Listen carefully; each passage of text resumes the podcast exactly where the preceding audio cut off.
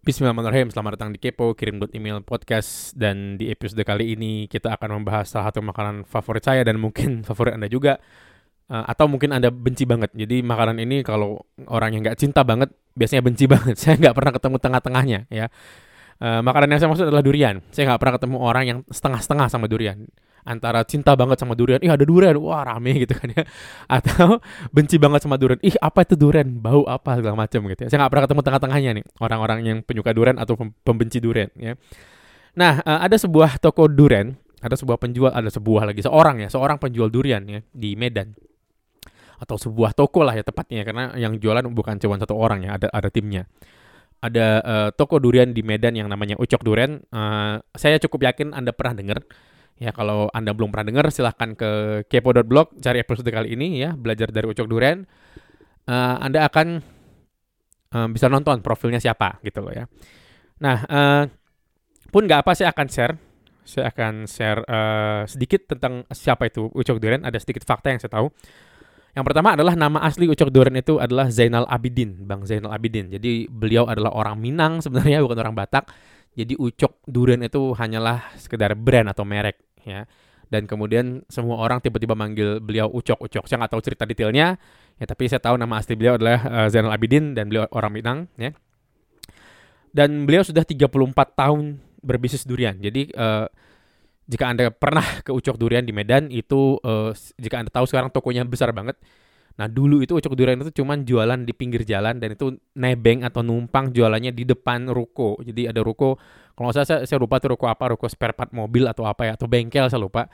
Nah beliau itu jualan di depannya, di depan bengkel atau jual, jualan spare part mobil ini uh, sore ke malam. Jadi siangnya dia nggak jualan karena ya ruko ini mau jualan gitu loh ya.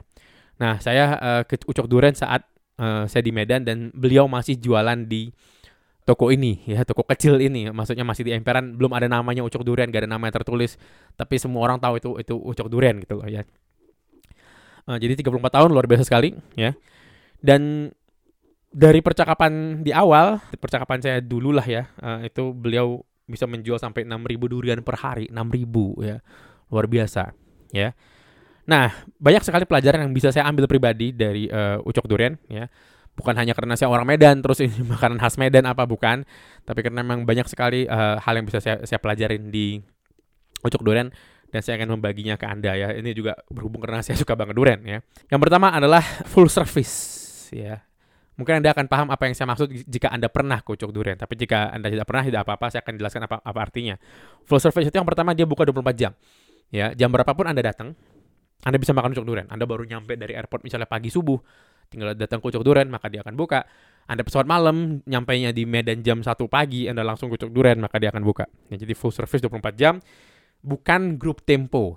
Ya, grup tempo itu tempo-tempo buka, tempo-tempo enggak. Jadi kita datang kadang buka, kita datang kadang enggak. Jadi grup tempo ya jangan uh, usaha anda jadi seperti ini jangan uh, tidak konsisten lah intinya tidak istiqomah nah jangan saat orang datang itu eh, ini buka nggak ya buka nggak ya nah next time dia mau datang lagi dia akan bertanya gitu loh misalnya dia mau ngajakin teman-temannya datang eh kita makan di mana makan di baksonya si Fikri oh ah tuh si Fikri tuh kadang buka kadang enggak tuh nah itu kan gak enak banget kalau kayak gitu ya jadi jangan grup tempo tapi konsisten lah bukalah kalau bisa selama yang anda bisa uh, dulu guru saya pernah bilang buka lebih cepat dari kompetitor tutup lebih lama Jangan kebalik.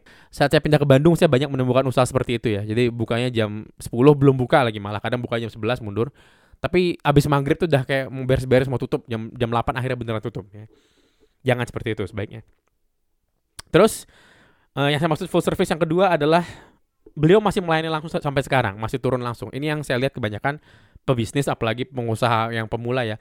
Kayaknya geli banget terjun langsung untuk melayani konsumen. Saya nggak tahu kenapa apalagi yang bisnisnya udah mulai menengah nih kayaknya terjun langsung tuh gengsi oh itu kan urusannya CS itu kan urusannya tim saya loh ya kenapa rupanya terjun langsung untuk melayani pelanggan ya ini Bang Ucok 34 tahun uh, melayani pelanggan. Ya langsung turun. Ya kadang bantu motongin durennya sampai sekarang. Ya.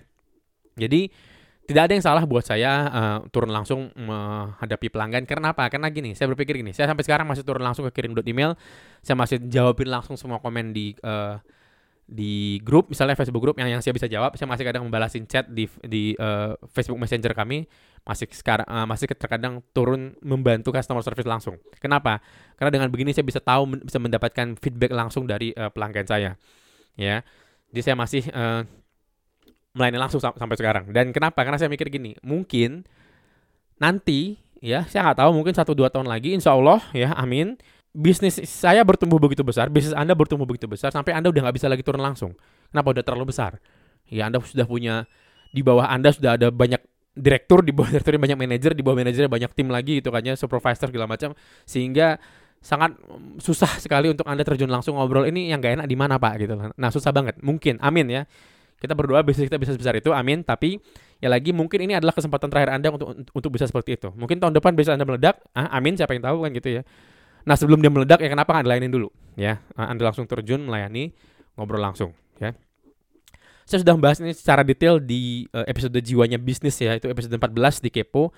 Silahkan ke kepo.blog, cari episode 14 judulnya jiwanya bisnis ya.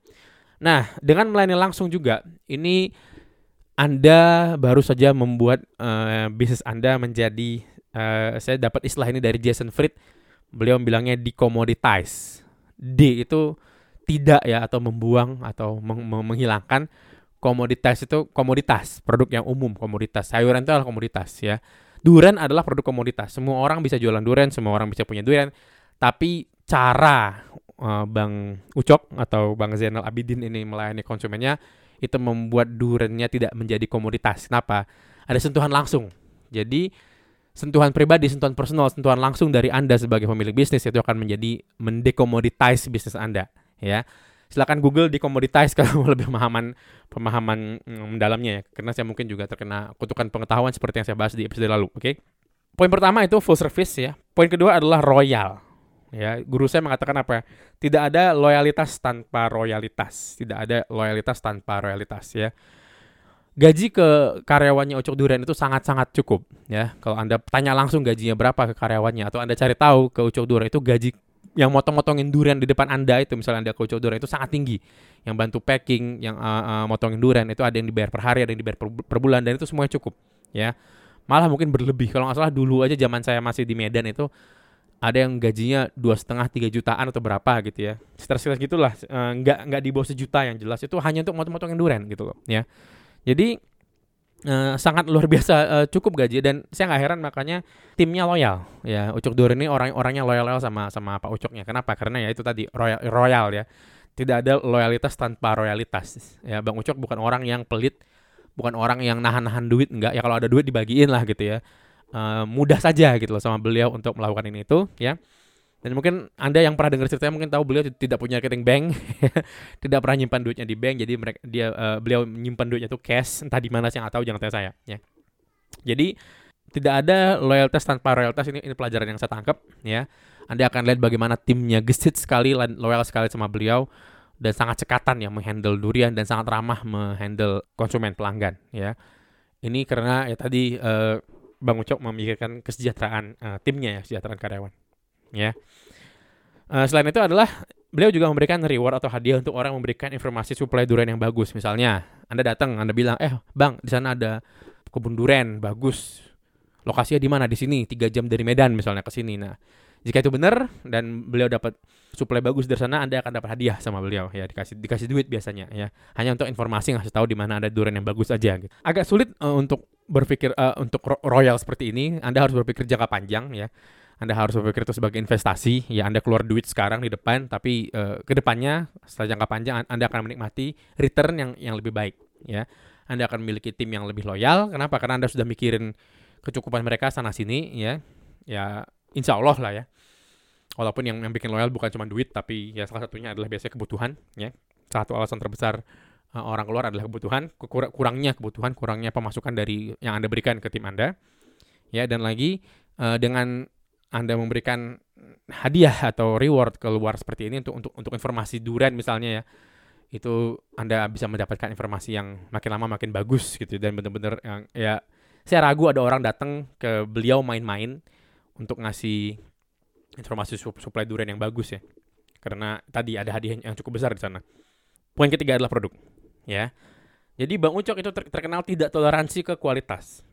Tidak toleransi ke kualitas. Artinya apa kalau Anda perhatikan garansi nggak enak diganti. Ya, kalau Bang Ucok udah bilang ini manis, Anda makan nggak manis, maka ganti. Dia nggak akan, oh enggak itu manis, orang udah saya cek kok nggak akan nggak ada bela diri, nggak. Manis nih dia bilang, Anda makan manis nggak? Ya kalau emang itu nggak manis, Anda bilang, ah nggak nggak manis bang ganti, ya. Uh, lagi nggak nggak semua orang suka durian manis, ada yang suka durian pahit ya. Dia akan bilang ini pahit nih, pahitnya enak.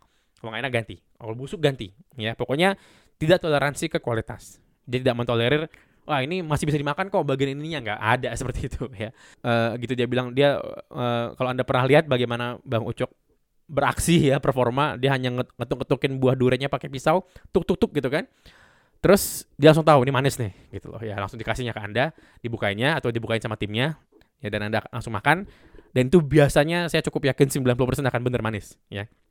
Anda harus datang ke Ucok Durian untuk merasakan sensasi itu ya dan kemarin ada cerita yang cukup menarik yaitu uh, beliau uh, Bang Ucok menolak ya Pak Jokowi datang, Pak Presiden datang karena saat lagi lagi sepi supply durian yang bagus. Ini luar biasa sekali menurut saya. Bagaimana beliau menolak RI 1 datang ke Ucok Durian yang bisa ngasih expose gila-gilaan. Ya belum lagi uh, ya cair lah kan gitu ya. Pak Pak Pak Jokowi kan datang dengan rombongan rame-rame gitu ya, pasti cair itu. Uh, cair artinya ya, ya rezeki maksud saya. Cuma ditolak sama Bang Ucok karena sedang tidak bisa melayani durian yang bagus, nggak punya lagi lagi nggak punya suplai produk yang bagus, durian lagi susah, durian lagi sepi, maka ditolak. Erick datang luar biasa ya. Ya, bagaimana beliau menjaga kualitas uh, dari produk dari produknya, dari dari durian-duriannya, ya. Terus beliau juga seorang kata guru saya penjual dengan tipe konsultan. Jadi orang bisa nanya sama beliau durian itu seperti apa, dia akan jawab A sampai Z semuanya. Ya, jadi tipe konsultan. Misalnya Anda butuh apa, datang nanya. Ya, banyak penjual tipe konsultan ini di gadget dan di komputer. Ya, saya punya langganan penjual gadget, penjual komputer gitu ya. Saat saya butuh uh, beli sesuatu, saya akan konsultasi. Misalnya kemarin saya beli hard disk eksternal SSD. Nah, saya punya kebutuhan A, B, C, saya bilang sama dia, saya punya kebutuhan A, B, C. Saya punya dari yang saya Google ada tiga nih SSD yang bagus merek A, merek B, uh, merek X, merek Y, merek Z, mana yang bagus? Nah, dia bilang merek X kelebihannya ini, merek Y kelebihannya ini, kekurangannya ini, ini, ini, ini. Tipe konsultan, ya. Jadi biasanya penjual tipe konsultan itu lebih diminati, paling nggak buat saya, ya.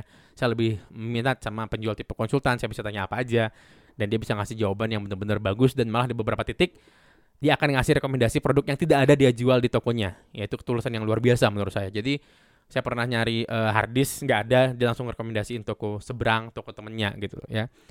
Eh, nggak uh, usah di sini mas beli beli tempat saya aja ya. Di dunia panahan juga ada seperti itu ya. Di Bandung ada penjual peralatan panah namanya Katsumoto Archery ya.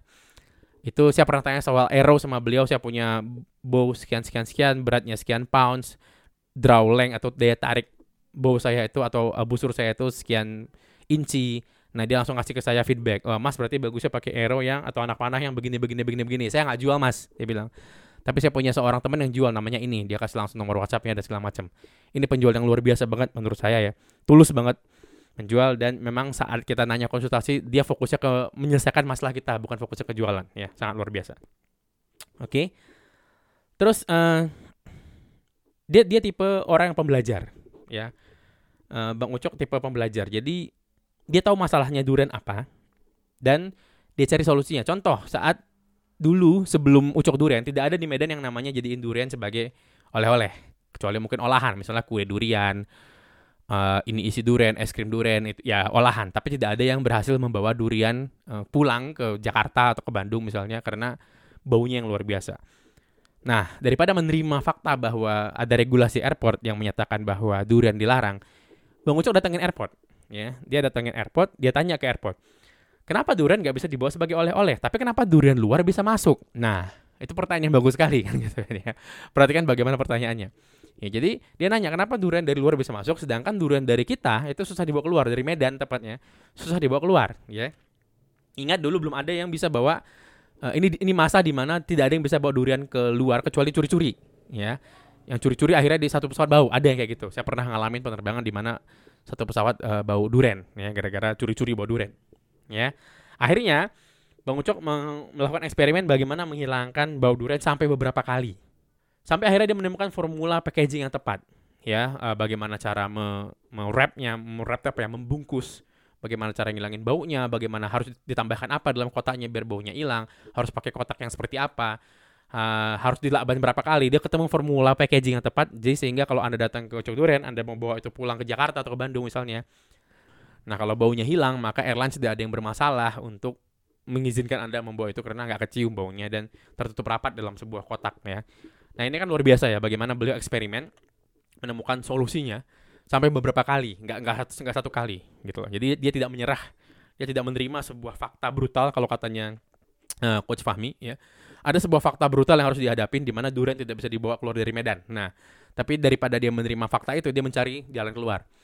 Ya eksperimen sana sini, dia datangin airport, dia tanya masalahnya apa. Kalau kalau baunya hilang boleh dibawa nggak? Akhirnya dia tanya seperti itu dan akhirnya boleh. Ya. Dan sekarang uh, satu Indonesia bisa menikmati ucok duren melalui oleh-oleh yang dibawa langsung sama keluarga atau kolega yang datang ke Medan gitu ya. Luar biasa. Ya. Dan yang terakhir adalah uh, saya bilangnya tadi uh, pengusaha street smart ya beliau pengusaha street smart. Ya mungkin uh, tidak mengenyam pendidikan bisnis atau apa tapi beneran belajar jalanan ya. Bagaimana uh, beliau belajar mengatasi bau ya mengatasi masalah produk. Bagaimana beliau belajar mencari supply yang bagus dengan memberikan reward ya. Bagaimana ngasih service yang bagus. Saya yakin itu beliau tidak belajar di resmi di sekolah mana pun tapi lebih ke street smart. Dan sangat luar biasa menurut saya ya. Luar biasa smart menurut saya ya. Dan yang terakhir beliau adalah all cash, semuanya duit cash. Ada legendanya, saya nggak tahu ini benar atau enggak, nggak pernah saya langsung, tapi ada legendanya bahwa beliau tidak tidak punya rekening bank, ya, semua duitnya cash dan free cashnya banyak. Ya. Jadi eh, nggak uh, gaya-gayaan, nggak mobilnya mungkin biasa aja ya, tapi cashnya banyak. Jadi uh, bisnisnya itu tumpah cash ya, duit cashnya banyak sekali dan semuanya pembayarannya harus cash, oke? Okay? Itu mungkin pelajaran yang bisa diambil dari Ucok Duren yang luar biasa banget dan jika anda ada rezeki, saran saya sesekali datenginlah uh, Ucok Duren datang ke Medan. Dan kalau anda lagi ke Medan kabarin lah saya. Ya siapa tahu uh, saya juga lagi di Medan kita bisa jalan bareng gitu kan ya. Datang ke Ucok Duren dan ngobrol lah. Kalau emang lagi ada Bang Ucoknya atau Bang Zainal Abidinnya di sana ngobrol ajakin ngobrol. Beliau orang suka banget ngobrol tapi beliau juga satu sisi sangat sibuk. Sibuk melayani konsumen ya. Jadi saat anda ajakin ngobrol dia mungkin terbagi perhatiannya belahin duren sekarang ngajakin anda ngobrol oke? Okay? terima kasih. Itu aja mungkin untuk episode kali ini. Ya saya Fikri Fatullah Jangan lupa gunakan kode kupon kepo di kirim email untuk mendapatkan diskon 10% untuk semua produk. Sampai ketemu di episode selanjutnya. Insya Allah. Assalamualaikum warahmatullahi wabarakatuh.